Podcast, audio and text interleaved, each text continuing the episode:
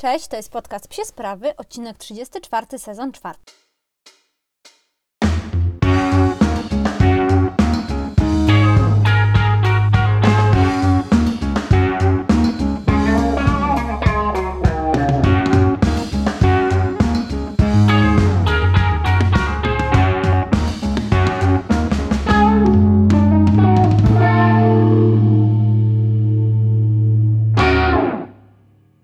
Jak zwykle zaczynam od tego, co tam u nas słychać. A dzisiaj mieliśmy taką super, super niedzielę. Byliśmy na spacerku z naszymi znajomymi, ludźmi i pieskami, z Mają i Miłoszem i z ich pieskami Szaką i Elvisem. E, Szaka to rodzina Lemiaka i on ją uwielbia. Ja czasem tak mi się wydaje, że on czuje, że to jest jego po prostu kuzynka. I świetnie się dogadują. Zresztą Ozzy też się super odnajduje w tej grupie. I mieliśmy super, super spacer po lesie. Naprawdę pieski się wybiegały, ale tak wiecie, dobrze się wybiegały, bardzo grzecznie, świetnie się razem bawiły, ja też się super bawiłam i od razu jakaś taka dobra energia człowieka wstępuje, jak y, zacznie się tę niedzielę w dobry sposób. Ja na przykład zawsze się naładowuję dobrą niedzielą na cały tydzień, więc tak, dużo pozytywnej energii we mnie na nowy tydzień, który będzie bardzo pracowity. Dlaczego? Przygotowuję oczywiście webinar dla Was, o treningu kondycyjnym psa. Chwilę mi to jeszcze zajmie, bo temat mi się rozrasta. Kupiłam sobie na przykład ostatnio książkę o ludzkim treningu szybkości, więc jestem bardzo ciekawa, jakie rzeczy z niej będę mogła przenieść na trening psi. Jest to książka Anatomia ruchu w treningu szybkości, tak się nazywa. I rzeczywiście y,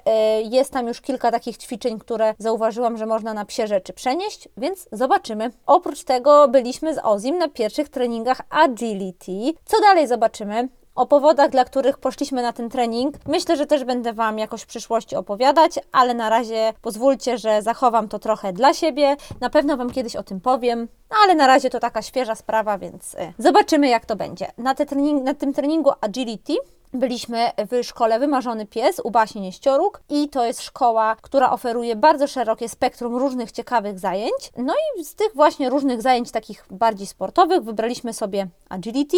Zobaczymy jak to wyjdzie, zobaczymy czy będziemy chodzić dalej, też będę na pewno Wam tutaj o tym mówiła. No i co, no my cały czas ciśniemy plany treningowe, dużo u nas już takiego przygotowania typowo pod sezon, bo tak naprawdę za chwilę on się już zaczyna i pieski powinny być w super kondycji i rzeczywiście ta kondycja się robi. Ja widzę, że rzeczywiście się psom kondycja poprawia i myślę, że na ten maj, kiedy ja sobie szykuję taki szczyt formy moich psów, to będzie to, będzie to, to będzie już zrobione, więc jestem bardzo dumna, że udało mi się to w tym roku tak dobrze zaplanować i dobrze prowadzić. Myślę, że to będzie taki pierwszy bardzo, bardzo świadomy sezon, w którym bardzo, bardzo świadomie przeprowadzam moje psy przez cały rok treningu. No dla Alemiego oczywiście pierwszy, bo rok, rok temu był jeszcze małym gnojkiem, ale dla Oziaka to już jest taki solidny, solidny naprawdę sezon. No dobrze, to może przejdźmy do tematu głównego dzisiejszego odcinka, a jest nim praca w rozproszeniach. I wybraliście sobie ten temat w ankiecie, którą ostatnio prowadziłam. Bardzo się cieszę, że go wybraliście, bo jest to fajny temat i ja bardzo lubię o nim mówić. Na pewno ten drugi temat, czyli o akcesoriach, też się pojawi, bo dużo bardzo osób o niego prosi. Ja wiem też, że to jest taki temat, y, który może jest prozaiczny, ale dla wielu osób nie jest oczywisty i warto przez niego przejść.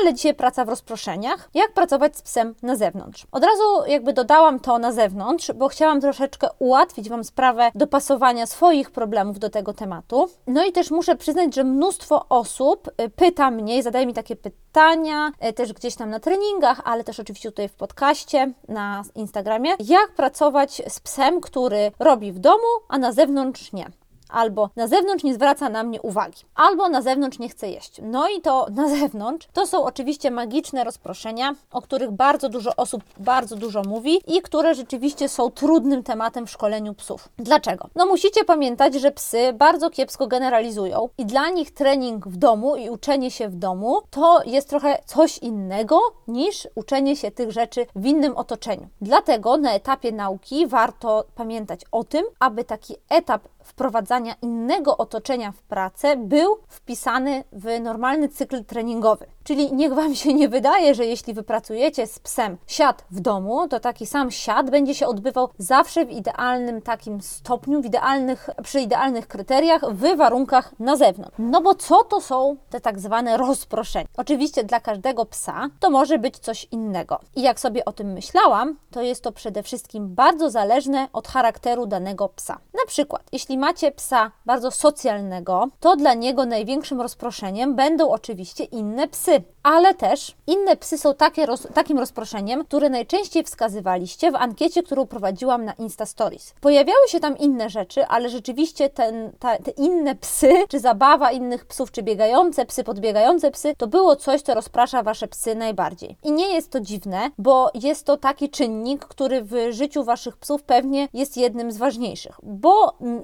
inne psy mogą być dużym rozproszeniem, jeśli właśnie tak jak powiedziałam. Wasz pies jest bardzo socjalny, ale jest też bardzo lękowy, przejawia zachowania agresywne, czy jest po prostu młody. No inne psy to jest po prostu najczęstszy problem. Nawet jeśli nie podpina, nie, nie jesteście w stanie podpiąć waszego psa pod jedną z tych łatek, w cudzysłowie, które tutaj Wam podałam, no to jednak inne psy są zwykle największym rozproszeniem. Dużym rozproszeniem bywają też oczywiście jedzonka, czyli wszystkie resztki, śmieci, powyrzucane gdzieś tam na zewnątrz. Nie żyjemy w idealnym świecie, więc takie rzeczy zawsze będą się zdarzać i dla łakomych psów to rzeczywiście może być ogromny czynnik i to może być ogromna, ogromny bodziec, który rozprasza je w treningu lub pracy z Wami. Oprócz tego, najczęściej powtarzającym się bodźcem były też zapachy. No bo mamy tutaj mnóstwo psów, które w swoim etogramie mają jakieś tam polowania, są to psy takie niuchające, bardzo e, opierające się na pracy węchowej w codziennym życiu, czyli na przykład bigle, spaniele, wszelkie rasy e, właśnie myśliwskie, gończe.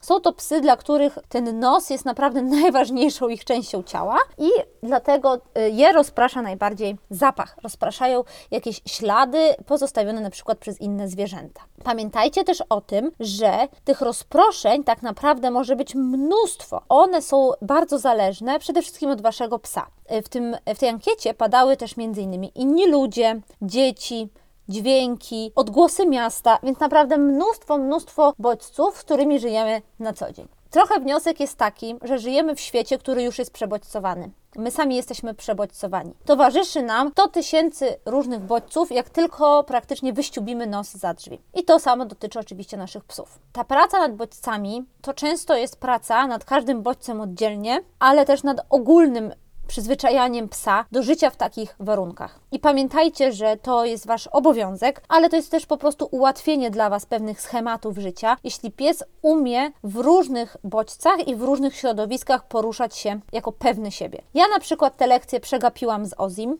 i on jest psem, na którego nowe bodźce, różne bodźce działają bardzo źle. On się bardzo źle czuje w nowym środowisku, w nowych miejscach, w nowych sytuacjach. Przy, głównie przez to, że jest mało pewnym siebie psem. Też jest oczywiście psem lękowym, ale rzeczywiście gdzieś tam to zostało przeze mnie zaniedbane i troszeczkę zapomniane. Wtedy też oczywiście nie miałam takiej wiedzy, żeby, tym, y, żeby o to zadbać. Y, natomiast ja ciągle pracuję z, nad nim, z nim, nad taką akceptacją bodźców. No i tutaj z Lemim jakby tego błędu starałam się nie popełnić i w bardzo mądry, zaplanowany, rozsądny sposób, tutaj mogę sobie poklepać się po ramionku, te bodźce mu wprowadzałam. I to nie jest pies, który się boi dźwięków, to nie jest pies, który się boi nowego otoczenia, nowych sytuacji. On, słuchajcie, wszędzie wchodzi jak do siebie i to jest dla mnie coś, co uważam, że fajnie wypracowałam, jestem z tego bardzo dumna. No dobrze, a jeśli już te rozproszenia są, wiemy, że pies na nie reaguje, to od czego zaczynamy? Oczywiście, jak w przypadku każdej pracy, musimy je zidentyfikować. Musimy ocenić, co rozprasza naszego psa, żeby móc to przepracować. I jeśli jest to kilka rzeczy, to oczywiście możecie nad nimi pracować razem, ale ja bym układając taki plan treningowy nad rozproszeniami, raczej próbowała rozpracować je na, rozłożyć je na czynniki pierwsze i rozpracować pojedynczo. Dlaczego? Moim zdaniem praca wtedy będzie szybsza, a na pewno będzie efektywniejsza. Będzie Wam też łatwiej oceniać postępy. No bo jeśli będziecie pracować nad dwoma rozproszeniami naraz i potem pies się będzie rozpraszał, troszkę ciężko będzie Wam zrobić taką ewaluację, nad którym rozproszeniem musicie jeszcze więcej pracować, nad którym mniej i tak dalej. Możecie nad tym pracować równolegle, po prostu nie naraz, na przykład w jednej sesji treningowej. No i co jest kluczem do pracy z rozproszeniami? Przede wszystkim jest powolne ich włączanie i przyzwyczajanie do nich psa. No i teraz tutaj wchodzi taki moment, w którym ja zawsze się zastanawiam, kurczę, czy ja mam aż tyle wiedzy behawioralnej, z którą mogłabym Wam pomóc, czy aż tyle jakby zgłębiłam tych wszystkich teorii i metod, żeby mądrzyć się tu przed Wami w sprawach, które dotyczą behawioru jednak psiego, a behawiorystą nie jestem. No i tak sobie pomyślałam, że kurczę, babo, jednak ze swoim psem odwaliłaś bardzo dużo dobrej roboty w pracy nad rozproszeniami. Trochę już jednak, wiesz, trochę się pouczyłaś i pomimo, iż ja behawiorystą nie jestem, to postaram się Wam przedstawić tutaj kilka metod pracy, które przede wszystkim są wymyślone przez behawiorystów lub które gdzieś ja tam podejrzałam w ich pracy. No i właśnie, słowo praca. Nie nastawiajcie się, że da się to zrobić łatwo.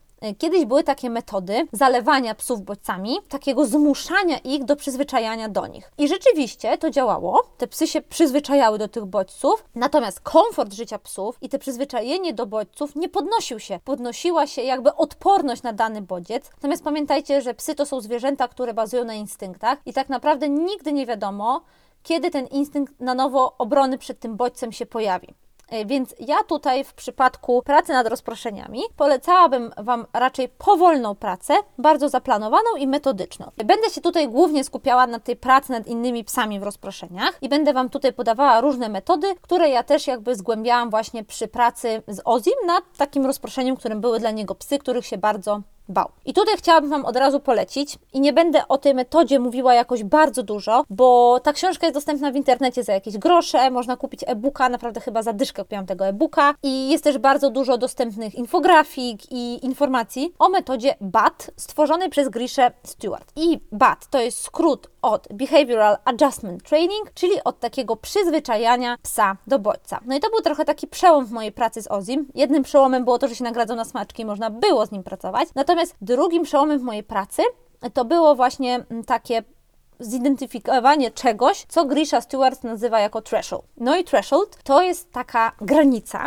można powiedzieć taki punkt zapalny. Czyli to jest ten moment, w którym wasz pies widzi bodziec, który go denerwuje albo ekscytuje, albo którego się boi, czyli który wywołuje u niego jakąś emocję, której na dany moment nie chcemy. I to jest moment, w którym ten bodziec jeszcze tej emocji nie wywołuje, ale pies już go notuje w głowie. Czyli to jest właśnie ten moment, w którym my chcemy naszego psa nauczyć, że tak, to jest dokładnie to, jak masz reagować na ten bodziec. Masz nie przejawiać wobec niego aż tak negatywnych emocji, lub masz sobie, czy tam pozytywnych w przypadku jakiegoś rozemocjonowania, masz sobie umieć z nim radzić. Właśnie w tej metodzie Griszy Stewart, Stewart wszystko polega na tym, wszystkie działania, które, których możecie sobie poczytać, żeby pracować poniżej tego poziomu. A on z czasem będzie się przesuwał, przesuwał jakby w stosunku do danego bodźca. Jak to działa? Czyli na przykład, jeśli idziemy z naszym psem i z daleka widzi psa, no to musimy bardzo, bardzo dobrze obserwować jego sygnały. Musimy no na tego psa po prostu się lampić, naszego psa oczywiście, lampić jak najbardziej. W momencie, w którym nasz pies widzi tego psa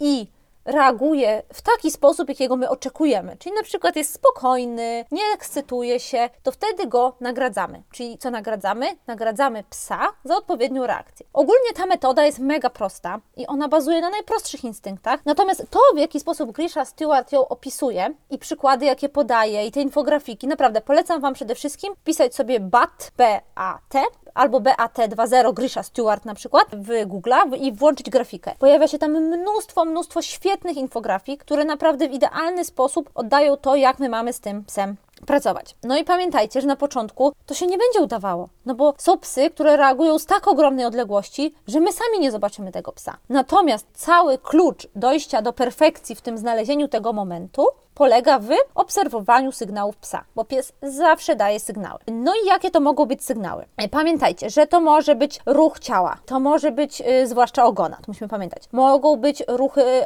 oczu, w sensie gałek ocznych, gdzieś tam spojrzenia w jakąś stronę, oblizywanie się, mogą być jakieś ruchy uszu. To są naprawdę czasem tak drobne sygnały, że musicie być bardzo bacznymi obserwatorami, żeby to zobaczyć. Natomiast gwarantuję Wam, że jak już raz to zobaczycie, to będzie Wam to wchodziło w krew, będziecie to robić o tak. Naprawdę będzie to szło w sekundę, nie będziecie się musieli nad tym w ogóle nawet zastanawiać, że Wy już wiecie, że to się dzieje. Pamiętajcie, że nagradzamy właśnie tę dobrą decyzję psa i dobre działania. I im będziemy bardziej nagradzać psa za takie rzeczy, to ta linia, w której pies na przykład odległość znajduje się od drugiego psa, a ciągle zachowuje się dobrze, będzie mogła się zmniejszać. Oczywiście bardzo, ważnych, bardzo ważne tutaj jest to, żeby pracować z psem też nad mechanizmami, w których on sobie radzi z tym bodźcem, tak? No bo to, że on widzi ten bodziec i nie reaguje albo reaguje delikatnie, to jest ok, ale y, Grisha Stewart też w tej metodzie BAT bardzo dużo mówi o takim awaryjnym zawracaniu. Czyli na przykład jeśli pies idzie i widzi z daleka psa, zauważa go i reakcja jest ok,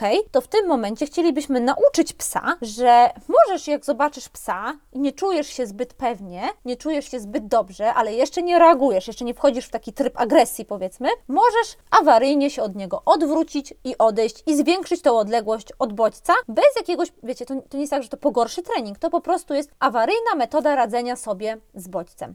To też jest super u Griszy mm, rozpisane, więc Wam bardzo polecam. A jak to wygląda w praktyce? Ja Wam powiem, że u mnie przełomem na pewno było to, kiedy uznałam, że muszę pozwolić Oziemu żeby to odejście od bodźca, czyli od nas, od psa, takie zawrócenie, czyli było jego decyzją. My jeszcze pracuje, pracowaliśmy na takim połączeniu tej metody BAT z innymi metodami, o których też Wam jeszcze kiedyś będę mówiła. Natomiast tutaj mówimy o BAT, więc skupmy się na BAT. E, więc ja pracowałam głównie na klikerze i robiłam to tak, że pozwalałam Oziemu patrzeć na ten bodziec, oczywiście nie przekraczając tej granicy, tego thresholdu. Jeśli on patrząc na bodziec, zwracał się do mnie, to wtedy klikałam i go nagradzałam. No i udało mi się właściwie chyba na drugim takim spacerze, na którym wymyśliłam, że tak to zrobimy, jakby kliknąć idealnie moment, w którym on powiedział: OK, tam jest pies, to nie jest zbyt dla mnie komfortowa sytuacja, nie jestem zdenerwowany i postanawiam ci zameldować, że ten pies tam jest. I przez to y, zaczęliśmy naprawdę mieć bardzo szybko, bardzo fajne efekty, no bo Ozzy kojarzył te meldowanie mi psów z nagrodą, z fajną pracą, z tym, że jednocześnie zameldował, więc okej, okay, on już tam jest, czuje się bezpiecznie, czuje się mm, niezagrożony mm, z jego powodu. Co będzie Wam potrzebne do tej pracy? No bo to jeszcze metoda to jest jedno, oczywiście poczytajcie sobie o niej,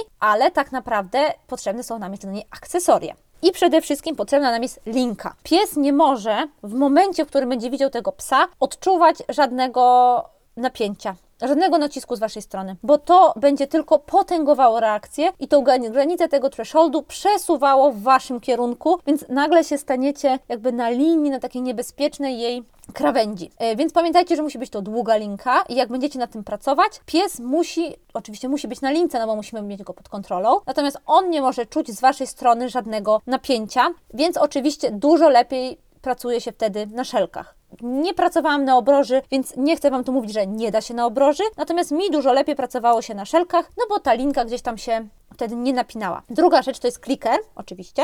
I mi na clicker, od razu Wam powiem, że mi po prostu na clicker się lepiej pracowało. I te wszystkie metody, które ja, jeśli chodzi o rozproszenia w postaci psów, z którymi walczyłam, to walczyłam właśnie za pomocą clickera. I jak wprowadziłam clicker, a wcześniej pracowałam bez clickera, to po jego wprowadzeniu naprawdę po prostu efekty były szybsze to trwało po prostu krócej i było dużo lepiej utrwalone. E, no i oczywiście nagrody. I tutaj polecałabym smaczki, no bo zabawka jednak zawsze wiąże się z jakąś tam e, ekscytacją. Natomiast pamiętajcie, o tym bardzo fajnie dużo mówi Zosia i Piotr Wojtków w przedszkolu, że bardzo często takie chwycenie zabawki, samo chwycenie, nie szarpanie się, czyli chwycenie zabawki, może być nagrodą, ale może być też dla psa strategią radzenia sobie z tym bodźcem, z tym stresem i warto tego też psa nauczyć. Natomiast dla większości psów na pewno tutaj y, dużo lepiej sprawdzą się smaczki. Jaki efekt chcemy uzyskać? Przede wszystkim chcemy, żeby pies ignorował bodziec, czyli żeby był on dla niego naturalnym elementem otoczenia. Nie musi go kontrolować, pilnować, ekscytować się nim, nie musi też uważać, że jest to coś naj, najfajniejszego na świecie, najbardziej ekscytującego. Po prostu musi uważać, że elementem jego życia, jego otoczenia jest ten bodziec i nie wymaga on żadnej reakcji. Y, to też jest tak, wiecie, mówię musi. Jeśli chcemy z psem pracować i chcemy w psie wyrobić jakieś tam zachowania, które nas interesują, no to rzeczywiście tak to trochę wygląda. Jeśli ja na przykład chcę z psem wykonywać w parku trening i nie chcę, żeby zwracał uwagi na inne psy, no to tak, muszę, je muszę go nauczyć, że wtedy w pracy ze mną oczywiście jest skupiony i nie mogą te psy być wtedy dla niego jakąś rzeczą, którą się interesuje, przepraszam, psy rzeczą. Nie mogą być jakimś bodźcem, który go interesuje, nie mogą być bodźcem, który go wyrywa z tej pracy, ale to też nie jest tak, że jeśli on będzie chciał z tymi psami pobiegać i będzie chciał jakieś tam mieć kontakty socjalne, uczy go to, że zupełnie mu tego zabronimy. Myślę, że e, da się tutaj osiągnąć bardzo rozsądny balans. No i oczywiście pewnie w tej nauki e, pracy w rozproszeniach, pracy nad rozproszeniami, najłatwiej jest powiedzieć wszystkim i mnóstwo trenerów tak mówi, musisz być fajniejszy niż rozpro rozproszenia, musisz być atrakcyjniejszy, musisz być najatrakcyjniejszy dla swojego psa. I ja uważam, że to jest, to bardzo łatwo to powiedzieć, mnóstwo trenerów to mówi, ja sama to słyszałam od różnych trenerów, ja rozumiem y, sens tego, natomiast gdzieś na koniec ja uważam, że pies nie może tolerować bodźca. On nie może uważać, że ten bodziec jest i już trudno, niech będzie, tylko powinien uważać, że ten bodziec jest częścią tego wszystkiego, wokół, się, czego, wokół czego się obraca i raczej powinniśmy pracować nad jego emocjami od podstaw, a nie uczyć go ignorować te emocje tak w zupełności. Raczej bym wolała, żeby psy, które trenujemy, trenowały ze mną, bo chciały i to środowisko było dla niego dla niego tylko takim otoczeniem, do którego już się przyzwyczaił, niż żeby za wszelką siłę ignorowały to wszystko dookoła, bo chcą ze mną pracować i to jest dla nich jakiś tam motywator. Więc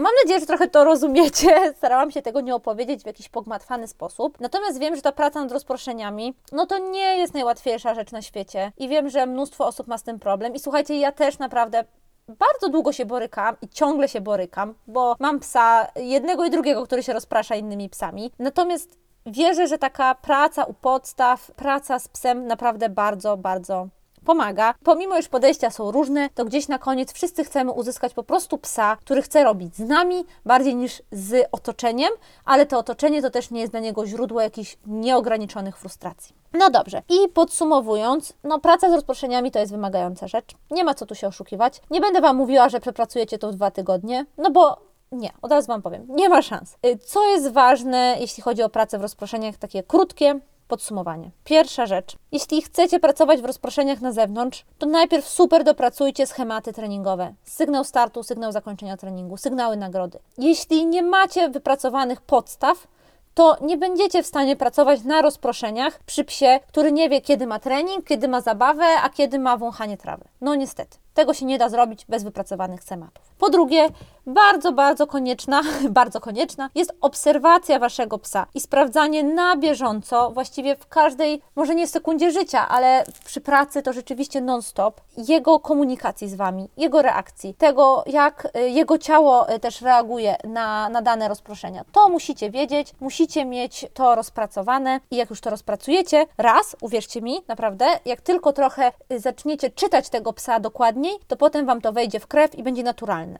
Kolejna rzecz to są oczywiście małe, drobne kroczki. Jeśli wasz pies na treningu nie rozproszył się psem, e, który przechodził 300 metrów od niego i byliście z tego zadowoleni, wow, udało się, to nie jest jeszcze czas, żeby na następnym treningu tego psa przesunąć na 2 metry od niego. No nie. Ja bym raczej powtórzyła tamten trening i na sam koniec, kiedy pies jest właśnie taki nakręcony na zabawę z wami, zbliżyła tego psa, ale no nie o 298 metrów, tylko na przykład o 100. Pamiętajcie też, żeby dobrze dobrać nagrodę. To nie jest tak, że każdy pies będzie pracował idealnie na smaczki, albo każdy będzie pracował idealnie na zabawkę. Warto miksować nagrody, warto sprawdzać różne opcje, tak żeby dla Waszego psa ten trening rzeczywiście był super opcją na zdobycie nagrody na pracę z Wami. No i ostatnia rzecz, monitorujcie postępy. Róbcie notatki, zapisujcie sobie, jak w danym momencie, jak w danym dniu, w danym treningu zachowywał się Wasz pies. Róbcie filmiki, y, róbcie zdjęcia, no monitorujcie, sprawdzajcie, bo bez tego nie będziecie wiedzieli, postępy robicie, a uwierzcie mi, pamięć jest zawodna. Ja wczoraj wieczorem próbowałam sobie przypomnieć, jaki trening robiłam z moimi psami dwa dni temu i miałam problem. Więc naprawdę warto tutaj być skrupulatnym i wszystko ładnie zapisywać albo nagrywać. No dobrze, bardzo Wam dziękuję za słuchanie tego odcinka. Jest mi bardzo miło, że Was tyle tutaj ostatnio przybyło i mam nadzieję, że ten odcinek pomógł wszystkim osobom, które borykają się z rozproszeniami w życiu Waszych psów. Pamiętajcie, że jeśli Wasz pies ma problem behawioralny, najlepiej udać się do behawiorysty. Natomiast jeśli macie problem w treningu, jest mnóstwo fajnych trenerów, którzy Wam z nim pomogą. Dajcie znać, jeśli mogę Was do kogoś skierować, bo zawsze z tym chętnie pomagam. No i do usłyszenia w następnym odcinku. Cześć!